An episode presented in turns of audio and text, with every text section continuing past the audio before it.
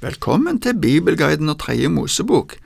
Vi så sist gang at etter innvielsen av prestene skjedde det en tragedie, da de to eldste sønnene til Aron ble drept. Nå går vi over til et avsnitt der det kommer en del lover og regler om renhet og urenhet i menigheten. Disse lovene om rene og ureine dyr kan oppleves underlige for oss, men kanskje vi kan tenke oss en nøkkel til å forstå at dette handler om en oppdragelse ifra Gud. I kapittel 10 vers 10 sa Gud at de måtte lære å skille mellom hellig og ikke-hellig, rent og ureint. I kapittel 20 kommer Gud igjen med en begrunnelse.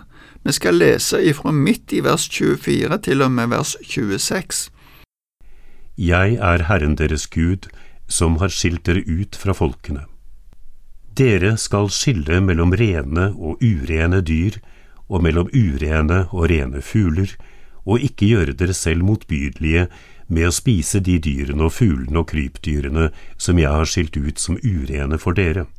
Dere skal være hellige for meg, for jeg, Herren, er hellig, og jeg har skilt dere ut fra folkene for at dere skal høre meg til. Begrunnelsen var, med andre ord, at Israel var skilt ut ifra de andre folka, og de skulle ikke leve slik som de. Noe av denne bakgrunnen kan vi tenke over at vi som kristne òg er kalt ut og skilt ut ifra denne verden. Da vil det være noe som er vanlig blant de andre, som ikke bør skje blant de som er kristne.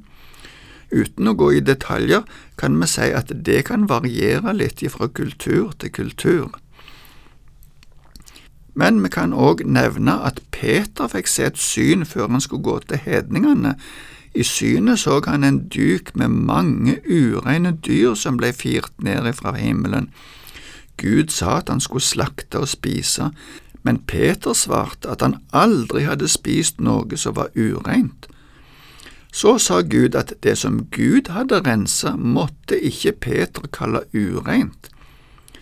Denne hendelsen kan du lese om i Apostlenes gjerninger kapittel 10. Nå skal vi lese fra kapittel 11 i Tredje Mosebok, og vi vil ikke kommentere så mye rundt detaljene. Vi leser fra starten og til og med vers 8. Herren sa til Moses og Aron, Si til israelittene, dette er de dyrene dere kan spise av alle dyreslag på jorden.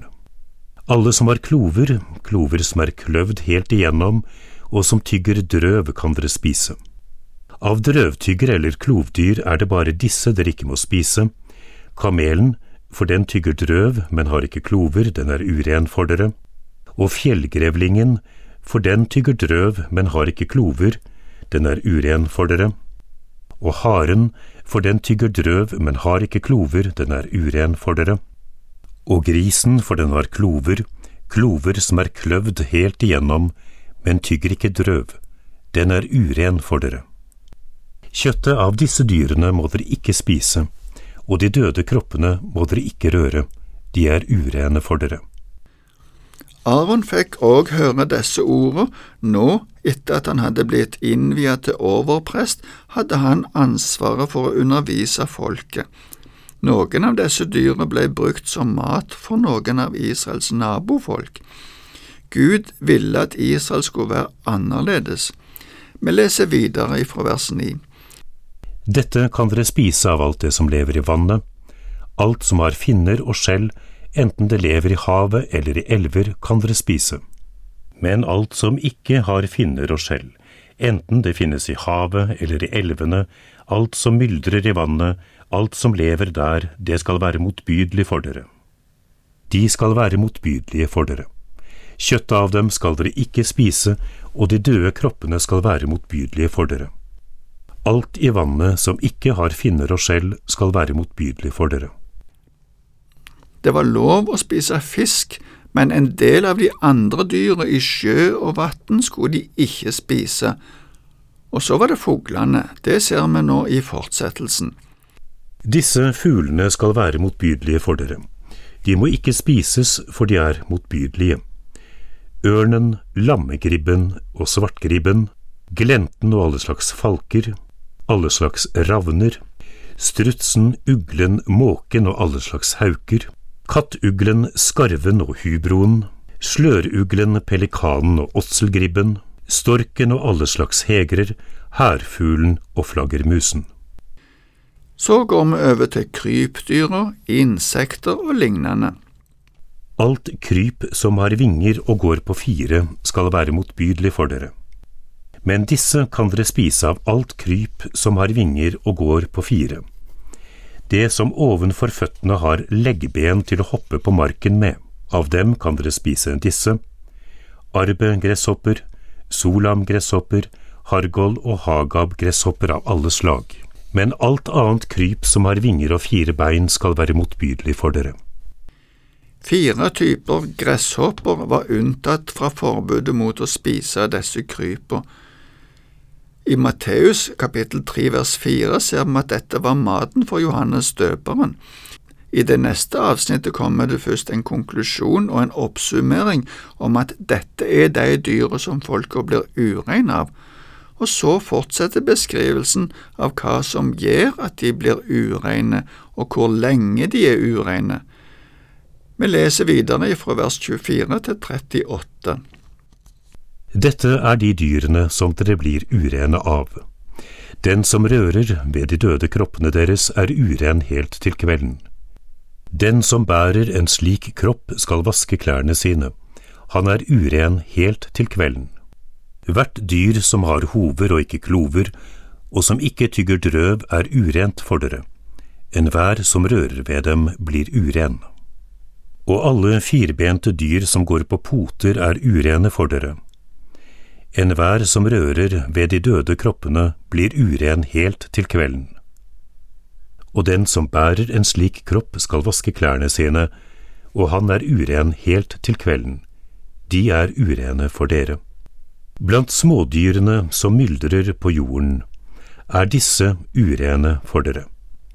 Mollvarpen, musen og alle slags firfisler, Anaka-firfislen, koa-firfislen og leta-firfislen, salamanderen og kameleonen. Disse smådyrene er urene for dere. Enhver som rører ved dem når de er døde, er uren helt til kvelden. Alt det som et slikt dødt dyr faller på blir urent, enten det er trekar eller klær, skinn eller sekker eller noen annen bruksgjenstand. Det skal legges i vann, og det er urent helt til kvelden. Da er det rent igjen. Faller et slikt dyr ned i et leirkar, blir alt det som er i karet urent, og karet skal dere knuse. Kommer det vann derfra på noe som kan spises, blir det urent. Alt som kan drikkes, blir urent i slike kar. Alt det som et av disse døde dyrene faller på, blir urent. Enten det er en bakerovn eller en kokeovn, skal de slås i stykker. De er urene, og urene skal de være for dere. Bare kilder og brønner som det samler seg vann i, er fortsatt rene. Men den som rører ved det døde dyret, blir uren. Faller dyret ned i korn som skal sås, er kornet like rent. Men har de slått vann på kornet, og det så faller et dødt dyr nedi, er kornet urent for dere. Her ser vi noen unntak Kilder og brønner der det hele tida kommer nytt, friskt vann, renser seg sjøl, kan vi si.